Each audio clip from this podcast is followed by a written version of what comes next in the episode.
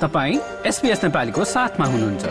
अरू रोचक सामग्रीहरूका लागि SBS dot com dot slash Nepali जानुहोस्। दसैँ आएको वरपरको वातावरणले पनि थाहा दिने भनाइ नेपालीहरूमा छ। दसैँको बेलामा बज्ने मालश्री धुन त्यस्तै मध्येको एक हो। त्रिभुवन विश्वविद्यालयको ललित कला केन्द्रीय विभागका प्रमुख तथा सितार वादक प्राध्यापक डाक्टर ध्रुवेश चन्द्र रेग्मीसँग नेपाल संवाददाता प्रतीक्षा दुलालले दशैंका बेलामा सुनिने उक्त प्रख्यात धुनका बारेमा गरेको कुराकानी एसपीएस नेपालीको यो पोडकास्ट श्रृङ्खलामा सुन्नुहोस्।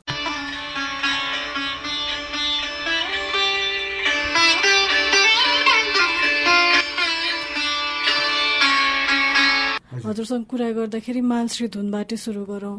यसको बारेमा चाहिँ थाहा नभएको व्यक्तिहरूलाई भन्नुपर्दा हजुरले के भनेर बुझाउनुहुन्छ? हस् धन्यवाद प्रतीक्षाजी। अब मालश्री धुन भनेको चाहिँ खासै अहिले नेपालमा प्रचलनमा रहेको हिसाबबाट भन्ने हो भने यो एउटा सिजनल ट्युन हो। खास गरेर दसैँको बेलामा गाइने बजाइने। धुनलाई चाहिँ नि मालश्री धुन भनिन्छ।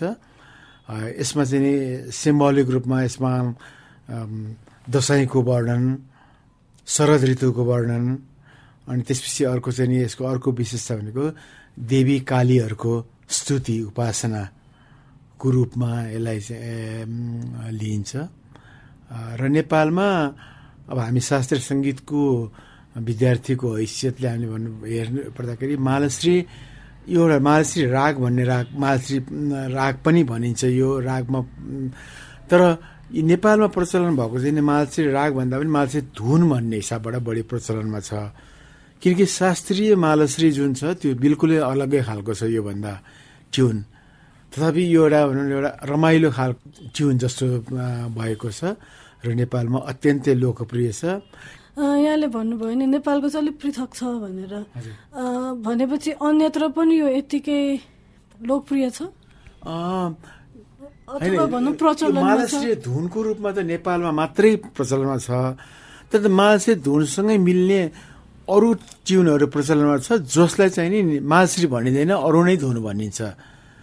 जसो हाम्रो मालश्री यहाँ प्रचलनमा आएको मालश्री चाहिँ नि यो हाम्रो शास्त्रीय काफी थाट अथवा अथवा काफी राग अन्तर्गत चाहिँ नि क्लोज छ। जबकि यही मालश्रीको यो धुन चाहिँ नि शास्त्रीय सङ्गीतको अरूमा हेर्ने हो भने चाहिँ यो हाम्रो राग पिलु काफीहरूमा चाहिँ नि पर्दछ। अब हाम्रो शास्त्रीय हेर्ने हो भने शास्त्रीय रागमा फेरि यो मालश्री चाहिँ काफी थाट होइन कि कल्याण ठाट भन्ने राग छ। त्यो अन्तर्गत पर्दछ। भन्दाखेरि र त्यो त्यसलाई फेरि होरी गीत फागो गीत भनेर जुन छ त्यो चाहिँ फेरि यो ट्युनमा हुन्छ। त्यसले त्यो अलिकति त्यो मिक्स मिक्स खालको छ। हाम्रो आफ्नो एउटा युनिक खालको हाम्रो ट्युन हो। यो ट्युन अरू अरू कहीँ पनि मालश्रीको रूपमा भनेर प्रचलनमा छैन। यो खास नेपालकै विशेष रूपमा नेपालमै प्रचलनमा मात्रै भएको यो धुन हो। यहाँले भन्नुभयो नि यो चाहिँ नेपालको मात्रै हो मौलिक धुन हो भनेर। यसको विकास कसरी भयो होला? अथवा अलिकति पृष्ठभूमिमा जाँदा चाहिँ के पाइन्छ? अब यसमा हेर्दाखेरि के देखिन्छ भनेदेखि मालसे धुनको प्रचलनलाई हेर्दाखेरि अब हामीले मल्लकालीन नेपालमा नेवारी सङ्गीत अथवा नेपाल सङ्गीत अत्यन्तै माथिल्लो अवस्थामा थियो विकसित अवस्थामा थियो। र अहिले पनि हामीले राष्ट्रिय अभिलेखालयमा हामीले गएर हेऱ्यौँ भने यो माइक्रोफिल्मसमा चाहिँ नि कोडिङ गरेर राखिएको छ। मल्ल राजाहरूले रचना गरेका गीत धुनहरू त्यसमध्ये एउटा मालश्री धुनहरू पनि त्यहाँ पाइन्छ। त्यसका सङ्ग्रहहरू पनि त्यहाँ पाइन्छ। मल्ल राजाहरू आफैले रचना गरेर आफैले गाउँथे भन्ने प्रचलनमा छ।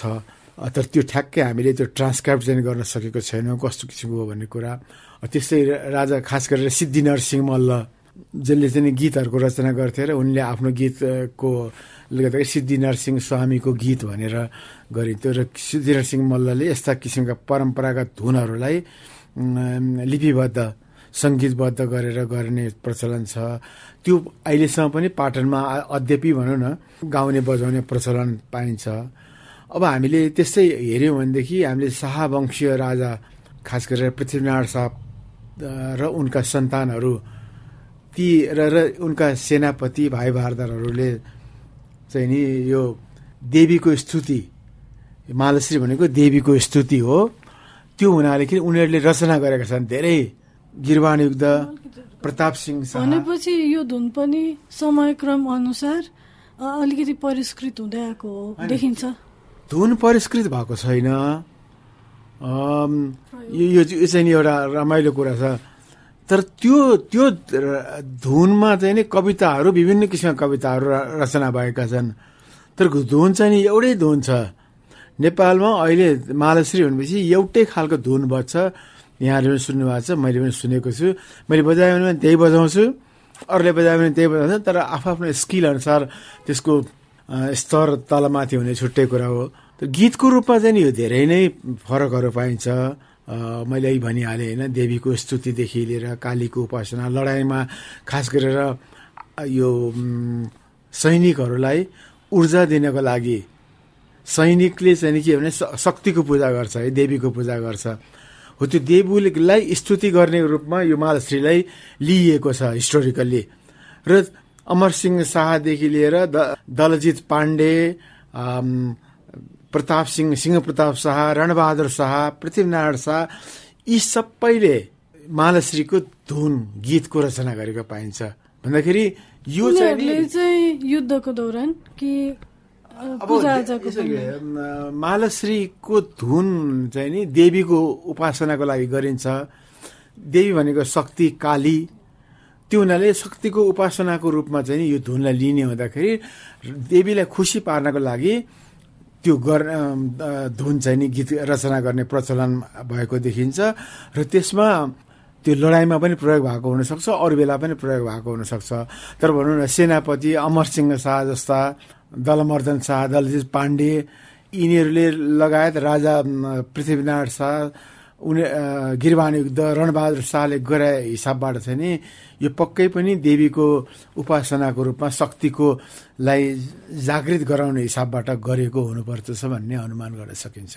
पछिल्लो समयमा चाहिँ यसलाई विशेष गरी अब हाम्रो पुस्ताले बुझ्दा त दसैँको धुन जस्तो रेडियोमा पनि पहिला सानोमा हुँदा आउने टेलिभिजनमा आउने अहिले मोबाइलमा पनि दसैँ भएपछि बज्न थालेको छ।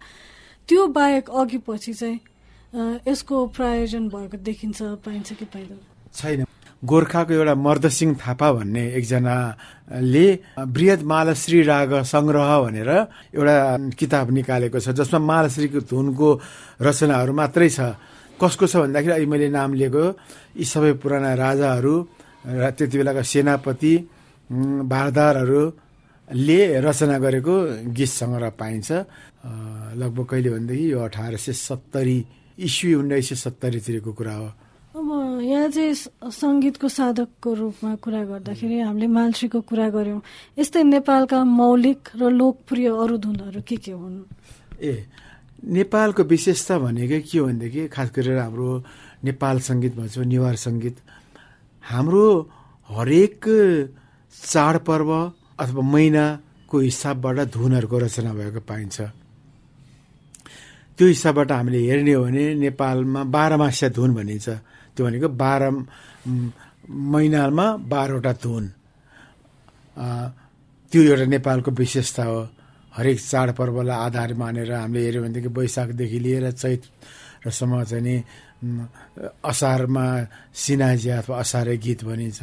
साउनमा सिलुमे गाइन्छ। भदौमा त्यसरी नै सिलु गीतहरू घाटुहरू चैतमा गएर घाटुहरू असोजमा मालश्री यो कार्तिकमा धनाश्री अथवा चाहिँ नि भैली देउसी गीतहरू यस्ता किसिमका धेरै धुनहरू छन्। जुन चाहिँ स्पेसिफिक चाडपर्व र महिनाको आधारमा नेपालमा गाउने बजाउने प्रचलन छ।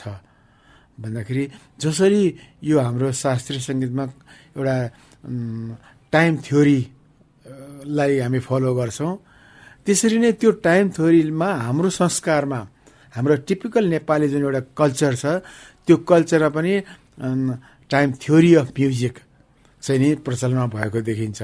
त्यो अनुसार चाहिँ त्यसको आधारमा गीत सङ्गीत गाउने बजाउने प्रचलन भएको पाइन्छ। त्यसैले यो नेपालको विशेषता पनि हो। ट्युनहरू चाहिँ कस्तो छ भनेदेखि हरेक चिजलाई रिप्रेजेन्टेसन गर्ने खालको र भनेपछि संस्कृतिलाई संरक्षण गर्ने दिशामा यी ट्युनहरूको बडो महत्त्वपूर्ण भूमिका भएको देखिन्छ।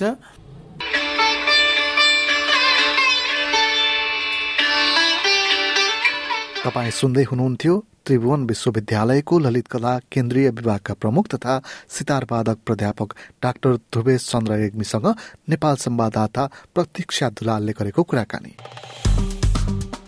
लाइक र कमेन्ट गर्नुहोस्। एसपिएस नेपालीलाई फेसबुकमा साथ दिनुहोस्।